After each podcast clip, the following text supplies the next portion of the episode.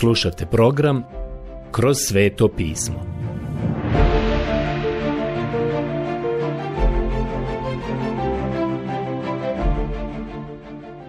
Knjiga Mudre izreke. Odlomak Mudre izreke, poglavlje 11 od 26. stiha do poglavlja 12 22. stiha. Sada se vraćamo na 11. poglavlje u knjizi Mudrih izreka i nastavljamo naše proučavanje od 26. stiha. Usput da kaže, nalazimo se u jednom veoma važnom odjeljku, a razlog za to je veoma jednostavan. Mi sada vidimo našeg mladića koji je ušao u školu mudrosti i sada je na prvoj godini. Te lekcije su uvijek važne. Mladića podučavaju neke vrlo praktične stvari, a naravno najvažnija stvar je temeljna istina. Strah je gospodnji najviša spoznaja. Mudre izreke 1.7. To je prva lekcija i iz toga je proizišla pouka da treba biti pošten i iskren. To je najbolja politika. To je sigurno najbolja politika za dijete Božije. Oslobodite se ponosa u životu. Sada u stihu 26 ovdje čitam sljedeće riječi. Tko ne da žita, proklinje ga narod, tko ga daje, na njegovu glavu dolazi blagoslov. Mudre izreke 11.26 Ovdje mi padaju na pamet dvije ili tri osobe u vezi sa ovim stihom. Na primjer, mislim na Josipa kada se nalazio u Egiptu. On ljudima nije uskratio žito. Sjećate se da ga je skupljao sedam godina i onda je nakon toga mogao hraniti tadašnji svijet, uključujući i svog vlastitog oca i braću i njihove porodice. Vjerovatno se sjećate da je postojao i čovjek po imenu Nabal. Njegovo ime Nabal znači budala. Bio je oženjen prekrasnom ženom. Ona se zvala Abigaila. Pretpostavljam da se svi možete sjetiti takvih bračnih kombinacija, brakova koje znate. Ja poznajem nekoliko takvih. Abigaila je bila vrlo razumna i draga osoba. Zašto se udala za nabala, ne znam. Možda je razlog to što je on bio imućan čovjek. Vidjeli smo da se David brinuo o njemu, njegovim slugama i ovcama kada su kao nomadi boravili u prirodi, te da mu je pomogao u mnogim prilikama. A onda, jednom prilikom su David i njegovi ljudi ogladnjali i obratio se Nabalu. Nabal ga je odbio i tom prilikom je uvrijedio glasnike koje je David poslao. Vjerujte mi, David neće olako prijeći preko toga. Krenuo je kod Nabala, ali onda je Abigaila presrela Davida i njegove ljude. Ovo je dobra ilustracija ove izreke i ovdje to vidimo na veoma praktičan način. Žito predstavlja riječ Božju. Onaj ko uskrati ili ne da žito, ne radi ispravno.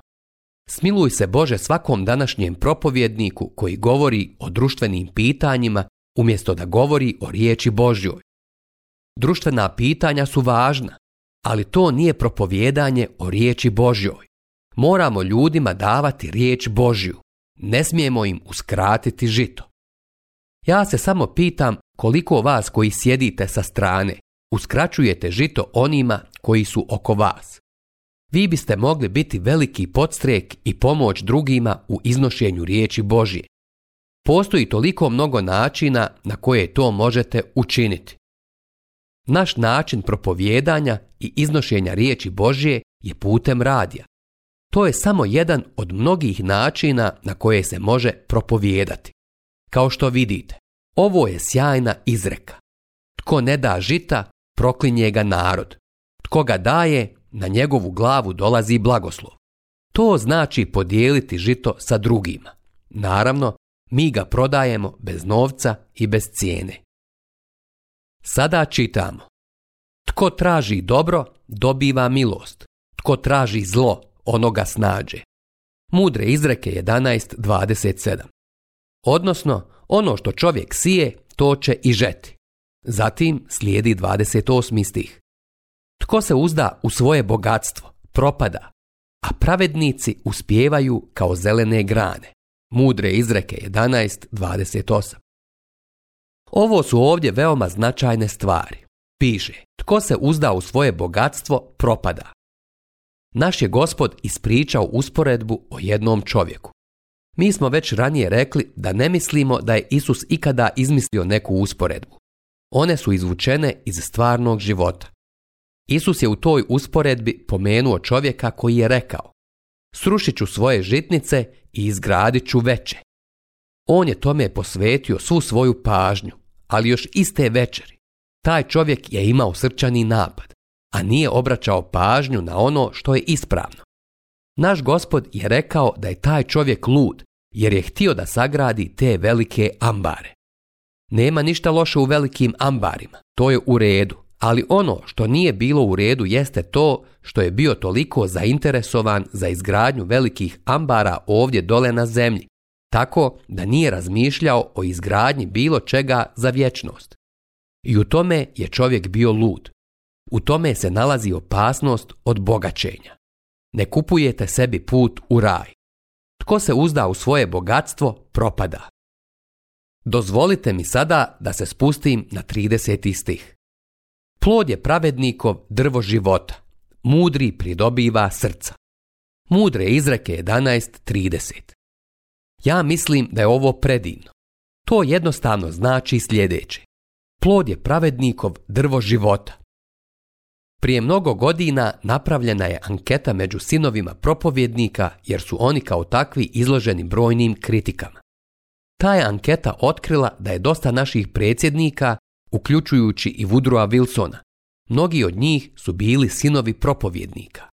Anketa je otkrila i to da su neki od istaknutih naučnika bili sinovi propovjednika. Zapravo, djeca spašenih ljudi ispadnu dobri ljudi. Danas se toliko radi na tome da se pokušavaju organizovati neki kratki kursevi o tome kako se ponašati kod kuće i brojne druge slične stvari. Volio bih da ljudi mogu uvidjeti da steći tek malu mrvicu znanja i baviti se površinskim stvarima nije ono što je bitno. Volio bih potaknuti ljude da se toga sjete, da samo neki kratki kurs psihologije o ljubaznosti kod kuće nisu odgovor na probleme i izazove današnjice. Ono što nam je potrebno jeste vratiti se Božoj riječi i potrebno nam je živjeti ispravan biblijski život u našim porodicama i domovima.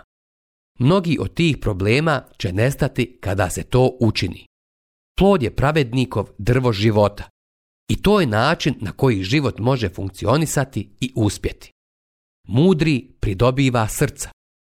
Danas se velika pažnja pridaje ličnom svjedočenju. Ja mislim da je to dobro.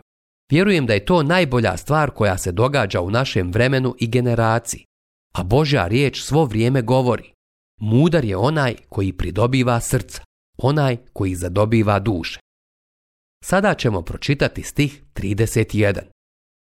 Ako se pravedniku plaća na zemlji, koliko prije bezbožniku i grešniku? Mudre izreke 11.31. Presuda dolazi i u to nema nikakve sumnje. 12. poglavlje Sada nastavljam i idem na 12. poglavlje. Još uvijek smo na prvoj godini. Ovo je veoma važno. Tko ljubi opomenu, ljubi znanje.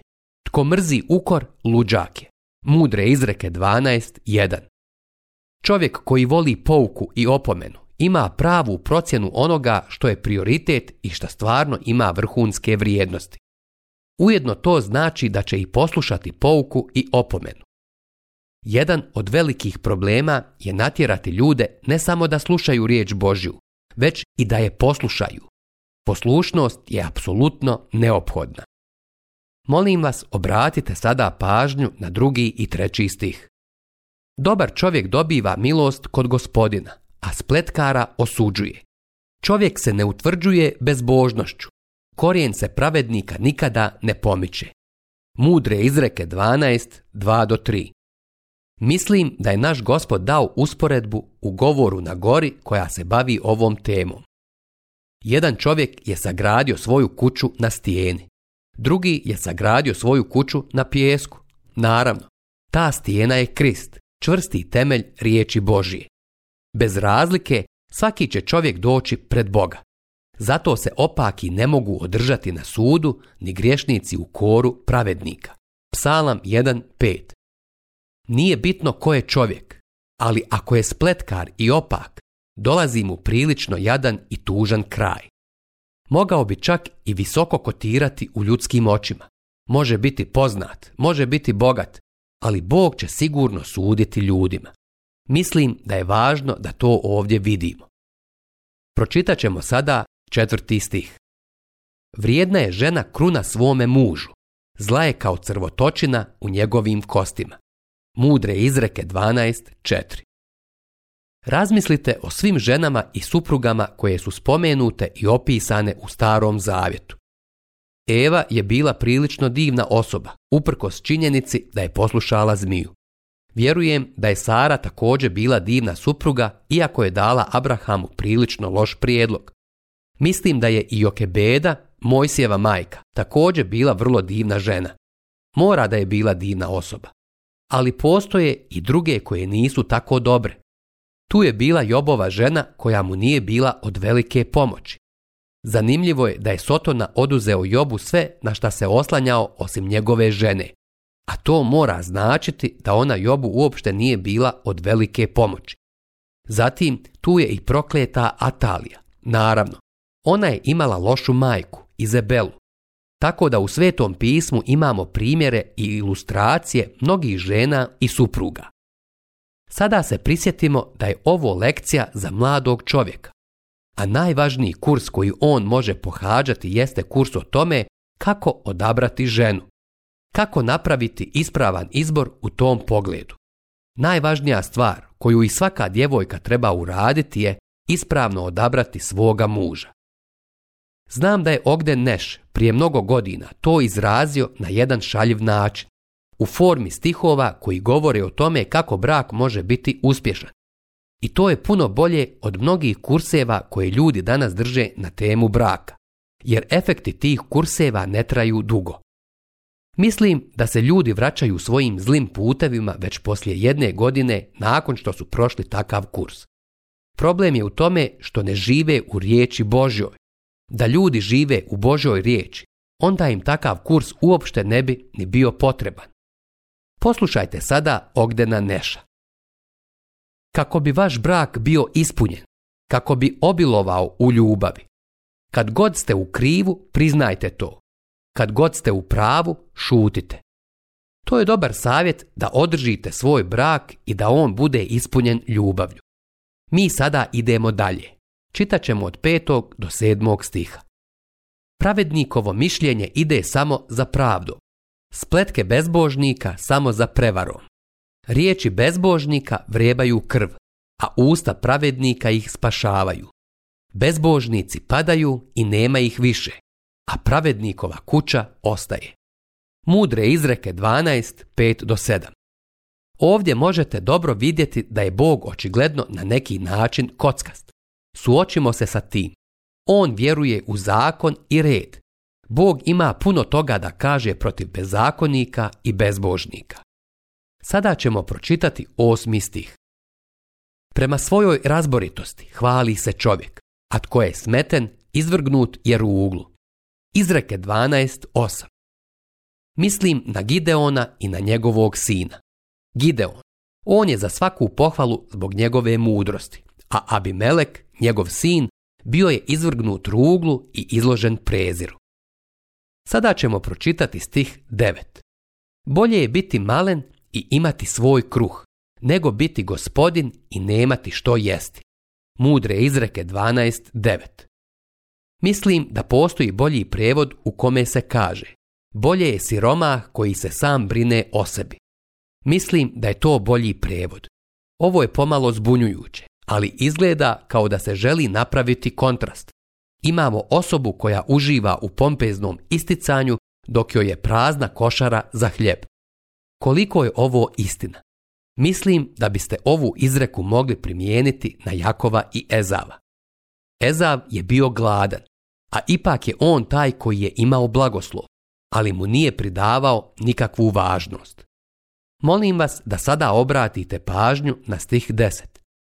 Pravednik se brine za ono što treba njegova životinja, a u bezbožnika je srce bez osjećaja.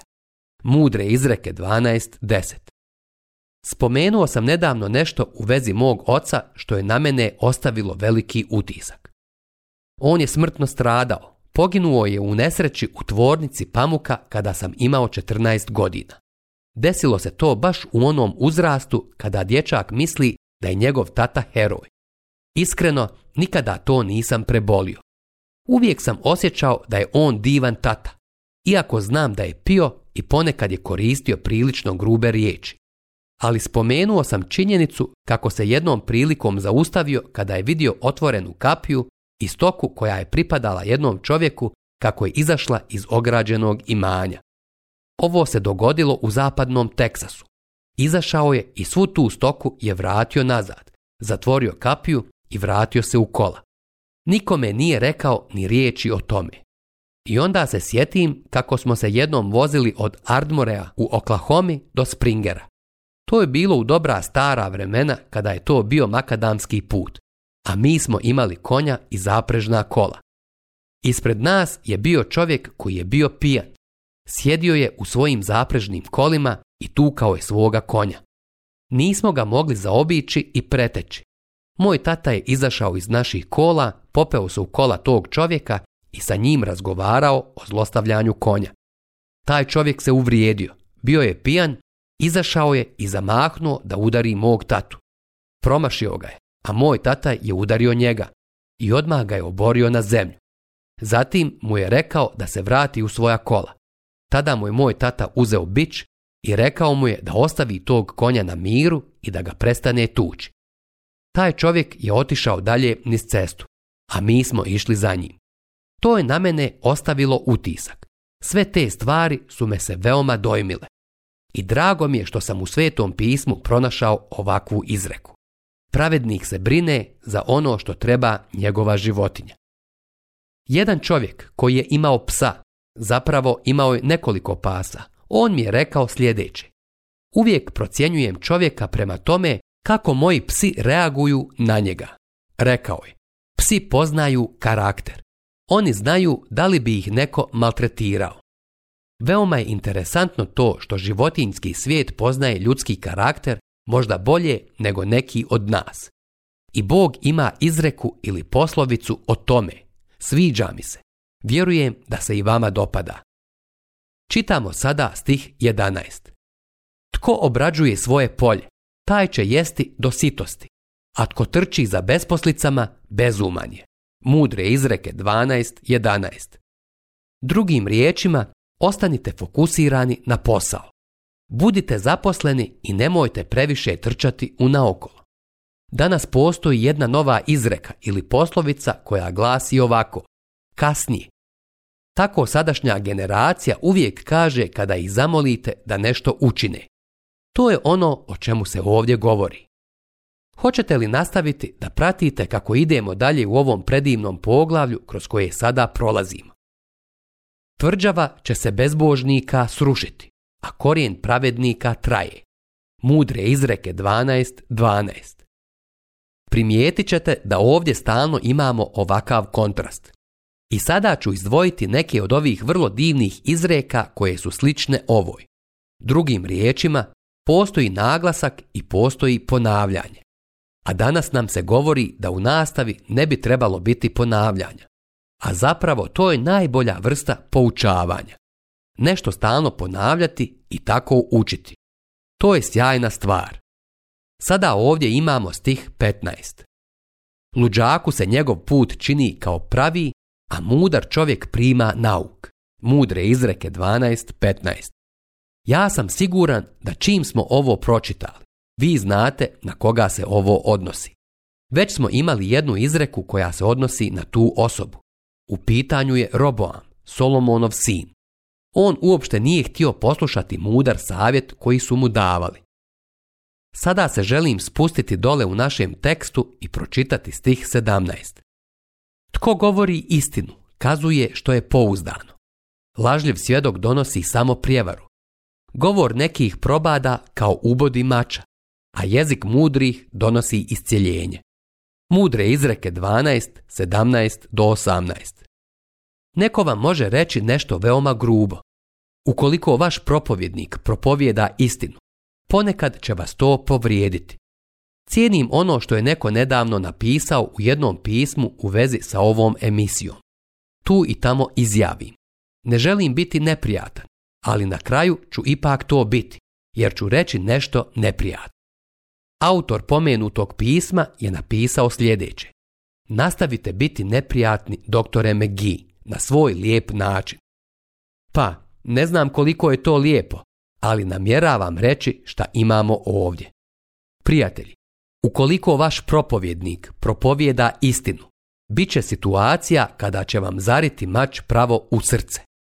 Ako niste voljni da to prihvatite, imajte na umu da se licemjer uvijek prikriva mržnjom i gorčinom. Iz tog razloga sam prije nekog vremena rekao da uvijek sumnjam u osobu. Pomalo je se čak i bojim, ako je ta osoba jako kritična prema svom propovjedniku. Odnosno, ako je ta osoba prijatna licem u lice sa svojim propovjednikom ili nekim drugim, ali u leđa mu zabada nož. Upravo smo ovdje pročitali a jezik mudrih donosi iscjeljenje. Pročitat ćemo sada stih 19. Istinita usta stoje do vijeka, a lažan jezik samo jedan čas. Prijevara vlada u srcu onih koji snuju nesreću, a koji savjetuju na dobro dožive radost. Nikakva nesreća ne dolazi pravedniku, a bezbožnici su puni nesreće. Lažne usne mrske su gospodinu, ko govori istinu, mio mu je. Mudre izreke 12, 19 do 22. Svi ovi stihovi ovdje imaju veze sa jezikom, sa lažljivim jezikom i usnama koje govore istinu. Te su stvari ovdje stavljene u kontrast. Želio bih ponoviti nešto što smo već ranije pomenuli. Riječ Božja ima više da kaže o jeziku i o osudi jezika nego što ima da kaže o upotrebi i zloupotrebi alkohola, a ipak lažljiv jezik i ogovaranje danas mogu proći u mnogim kršćanskim krugovima. Ali pijanca bismo tako brzo izbacili iz naše crkvene zajednice, zar ne? A šta je sa ogovaranjem i tračevima? Ne preduzimamo ništa po tom pitanju, a ipak riječ Božja ima više da kaže o tome nego o bilo čemu drugom.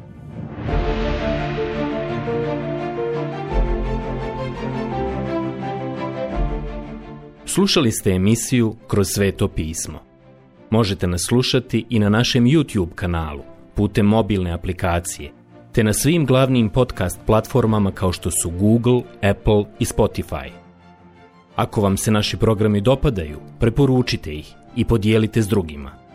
Budite slobodni da ostavite svoj komentar ili nam pišite na našu e-mail adresu kroz sveto at gmail.com Zapratite našu stranicu kroz sveto pismo BiH na Facebooku i na Instagramu. Emisije iz ove serije možete pronaći na našoj stranici ttb.tw.org.